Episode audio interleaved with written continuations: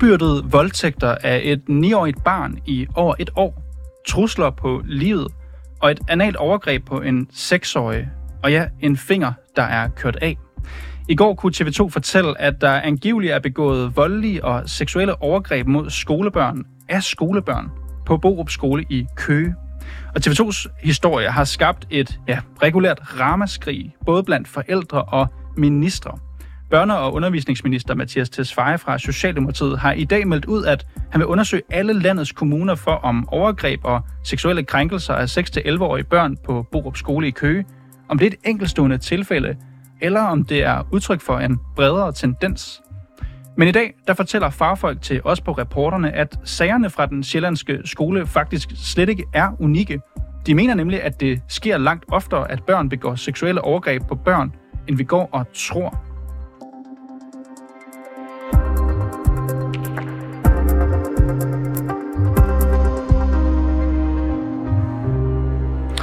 Og nu har vi dig med, Mimi Strange. Du er klinisk børnepsykolog og forhåndværende direktør for Janus-centret i 20 år. Og det er altså, hvis man ikke kender det, et center, som arbejder med børn og unge med seksuelt grænseoverskridende adfærd.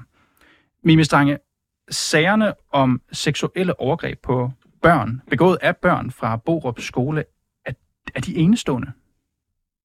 Øh, nej, det, det er de på ingen måde. Altså uden specielt at kunne sige, hvad det lige er, der er sket på Borup skole, så kan jeg jo sige, at vi har jo gennem mange år haft kendskab til, at børn kan have seksuel grænseoverskridende mm. adfærd over for andre børn.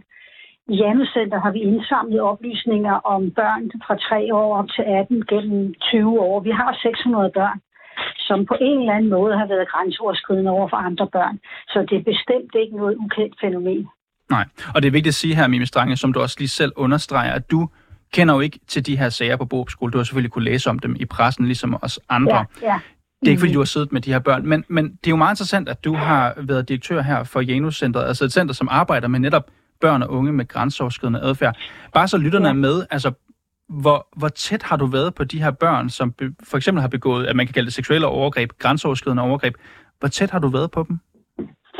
Ja, jeg har været helt tæt i den forstand, at jeg er selv øh, klinisk børnepsykolog, og øh, selvom jeg har været direktør og klinikchef for Hjemmecenter, har jeg jo også haft fingrene nede i sagerne. Øh, så jeg er jo ret godt underrettet om, øh, hvordan det er fat med de her børn. Og det, der jo har været interessant at finde ud af, og er vigtigt for andre at vide, det er, at de her børn har jo brug for hjælp, lige så vel som de børn, der bliver udsat for mm. overgreb. Mm. Og så er det jo vældig vigtigt at huske, at vi taler om børn. Vi taler ikke om voksne der kan jo indimellem blive en lidt bister sprogbrug, hvor man taler om krænker og voldtægter, og sådan voldsomme begreber, hvor, hvor vi jo, når det er børn, siger, at de har seksuelt grænseoverskridende adfærd. Og det er jo ikke, fordi det ikke er alvorligt, og det går ud over nogle andre børn, men det er ret vigtigt at betænke, at der er tale om børn. Mm. I den her sag forstår jeg, at det er børn mellem 6 og 9 år. Så også dem, der har begået overgrebene.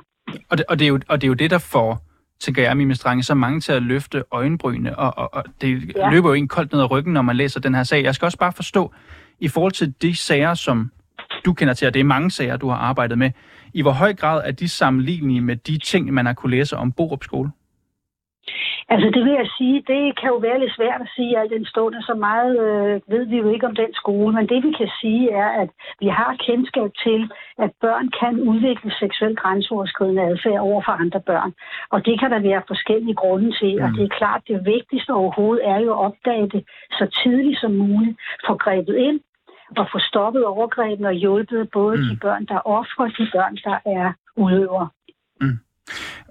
Og Mimi, jeg synes jo selv, det er på mange måder altså grænseoverskridende at snakke om, og også at spørge om det her. Men jeg kan jo ikke lade være med at tænke, hvad er det værste, du har hørt om, hvis vi tager dine erfaringer og, og kigger på dem? Jamen, jeg synes, at de værste erfaringer er at se, at børn, der for eksempel selv har været udsat for overgreb, kan komme til at udvikle overgrebsadfærd over for andre, for at udleve de erfaringer, de selv har. Det er jo nok noget af det mest hjerteskærende, at et barn, der forgriber sig på et andet selv er et offer. Det giver jo meget tydeligt det dobbelte perspektiv, der kan være i det. Mm. Og jeg, jeg tror, det mange sidder og tænker her, altså de, jeg læste jo nogle af tingene op i introduktion her til programmet, altså for at sige det rent ud, børn, der har fået stukket ting op i, i enden af andre børn. Altså, hvad får et barn i 6-11 års alderen til at begå, og nu kalder jeg det seksuelle overgreb på et jævnaldrende barn? Ja, altså det kan der være vældig mange forskellige baggrunde for. Som jeg nævnte, så kan det være et barn, der, øh, der selv har været udsat for overgreb. Der kan også være alle mulige andre baggrunde. Men det vigtigste overhovedet i det her er, at det er jo børn, der er i alvorlig mistrivsel af den ene eller den anden grund. Og jo hurtigere de voksne ansvarlige finder ud af, hvad der er galt, jo hurtigere kan man jo hjælpe. Mm. Men, men og, og selvfølgelig, Mime Stange, du har jo selvfølgelig din tavshedspligt her, så det er heller ikke for at gå ned i nogle personlige detaljer her, men du har jo siddet foran børn, der givetvis har, har oplevet det her, men også begået de her ting her. Altså, hvad fortæller de? Hvorfor, hvorfor gør de det? Ja, det er jo noget af det, der er vældig vigtigt for den børnepsykolog, der taler med børnene og gå lidt på jagt i, hvad kan dog grunden være til at udvikle den her adfærd. Og de fleste børn vil, hvis man giver sig tid nok og i øvrigt har kompetencer til det, kan jo godt på et tidspunkt begynde at fortælle en om, hvad baggrunden er. Og der kan jo være mange forskellige baggrunde. Mm. Er der nogle af børnene, der føler en eller anden form for skam over det her? Det, det, det, gør, det gør langt de fleste. Øh, når først man får talt med dem, og de finder ud af, hvad det egentlig er, der sker, der, det de jo faktisk har gjort andre børn fortræd, så er det noget, langt de fleste bliver meget berørt af. Mm. Og jeg, og jeg ved godt, jeg, jeg, jeg borer lidt i det her, Mimi Stange, men det er også bare, jeg synes jo, det er fascinerende, at du kan sige lige nu allerede, at på baggrund af din erfaring, at det her det er noget, der sker. Jeg skal ikke sige ordet hele tiden, men jeg kan sige, at det sker bredt. Det er ikke kun på Borup skole, der foregår sådan nogle ting her. Altså, Nej, lige præcis. Hvor, hvor kommer den her karakter fra? Kan man sige noget helt generelt? Er der et mønster i forhold til de børn, der begår det her? Altså det, det, det helt generelle mønster er, at det er børn, der er i mistrivsel på den ene eller den anden måde. Men det enkelte barn kan jo have forskellige baggrunde for, for at udvikle den her adfærd. Kan der være børn, som simpelthen hverken kommer fra mistrivsel eller selv er blevet udsat for nogen former for, for misbrug, som stadigvæk gør grænseoverskridende ting?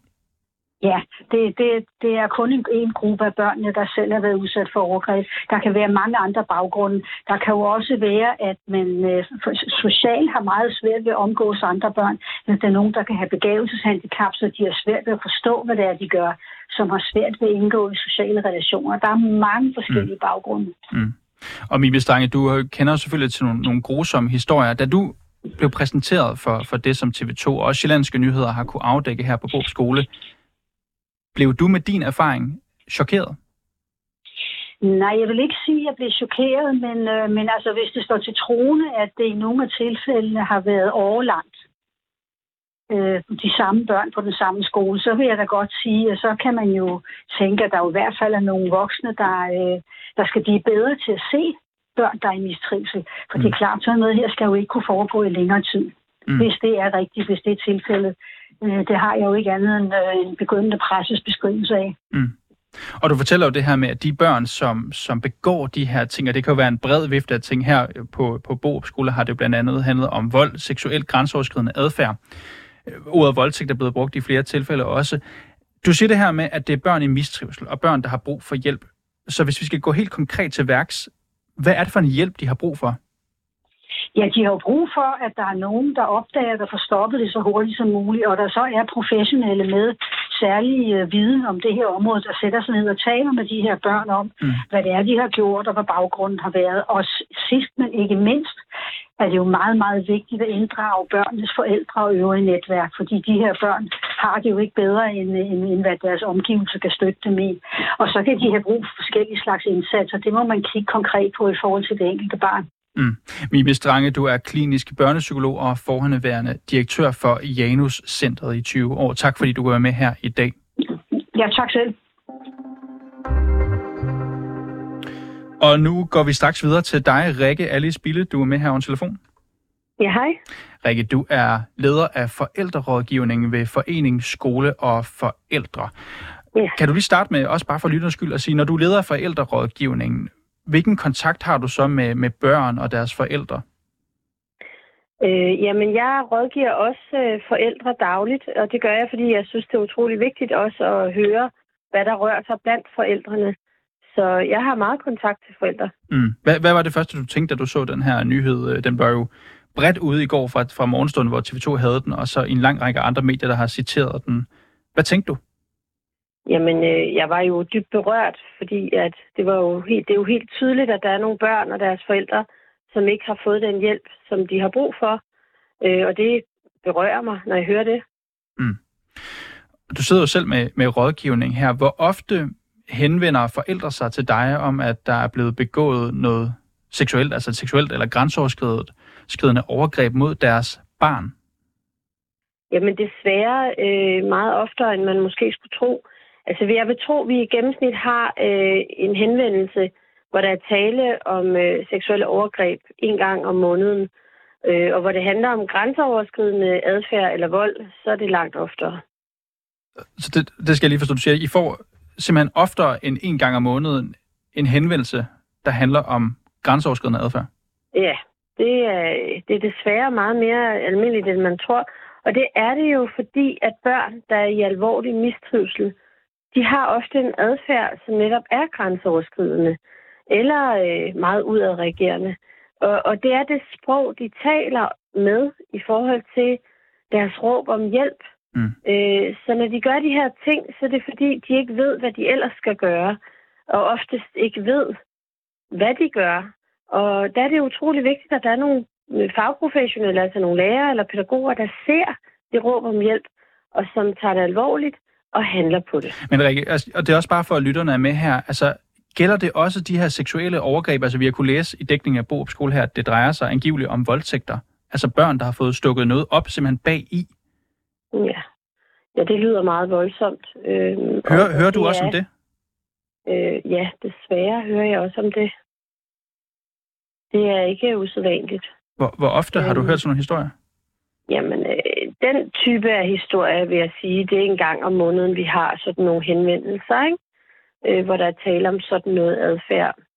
Øhm, og det er jo typisk blandt mindre børn.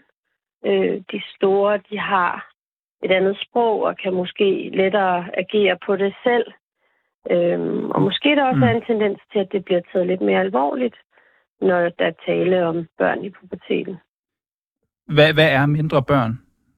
Jamen, det er jo børn helt ned i 0. klasse. Og Rikke Alice, jeg kan simpelthen ikke som journalist lade være med at spørge dig det her. Det kan jeg selvfølgelig også uh, skyde tilbage til mig selv. Hvorfor hører vi ikke oftere om det her? Jeg tror, det er meget uh, tabuiseret. Jeg tror, at uh, voksne har berøringsangst i forhold til at tale om sådan ting. Jeg tror simpelthen ikke, man ved, hvad man skal gøre med den viden. Uh, jeg tror også, at der er mange voksne, der er bange for at pege fingre af andre børn. Og, uh, og ligesom udskamme dem og sige, at du er også sådan en, der krænker, eller hvordan man nu... At det kommer lynhurtigt til at, at lyde forkert, og, og noget, som man skal være 100% sikker på, før man handler på det. Ikke? Mm. Øhm, og, og det har jeg egentlig også sympati for. Problemet er, hvis man venter for længe, og det her det står på for længe, så er det jo endnu mere alvorligt. Mm. Øhm, så det, der mangler derude, det er jo i virkeligheden hjælp til de fagprofessionelle, så de bliver bedre til at vurdere, om det er noget, de skal handle på, og hvordan de skal handle, ikke mindst. Mm. Øh, ja. Det er jo først, øh, i første omgang Sjællandske Nyheder og efterfølgende TV2, som har oprullet hele den her mm. sag med Borup Skole, de her meget ja. voldsomme historier, som angiveligt skulle have fundet sted. TV2 har også talt med pædagogisk psykolog Rasmus Alinkær. Han siger, og det har vi jo nemlig blivet mærke i, at det er en af de mest alvorlige sager, han har hørt om. Ja. Du siger jo, at den her sag ikke er unik. Altså, du hører simpelthen om, om om lignende, måske mere alvorlige sager fra tid til anden? Altså, jeg ved ikke, om jeg hører mere alvorlige sager. Jeg vil også sige, at det er jo svært for mig at sige, om det sådan er en til en, da jeg ikke kender alle detaljerne for Borup. Øh, og det lyder bestemt meget, meget alvorligt, det der er foregået ude, ude øh, på den skole. Øh, også fordi det drejer sig om så mange børn, der har stået på i så lang tid. Mm. Men igen vil jeg bare sige, at det er ikke den eneste sag, jeg har kendskab til. Nej, og du siger jo også, at du sidder som en del af den her, jeg tror du kalder det for forældrerådgivning her, ja. taler med de familier, hvor det står på. Jeg formoder, og det må du rette mig, hvis jeg tager fejl, det både gælder de familier, hvor børnene er blevet udsat for overgreb, givetvis, også de familier, hvor børnene måske selv har gjort noget, som var grænseoverskridende.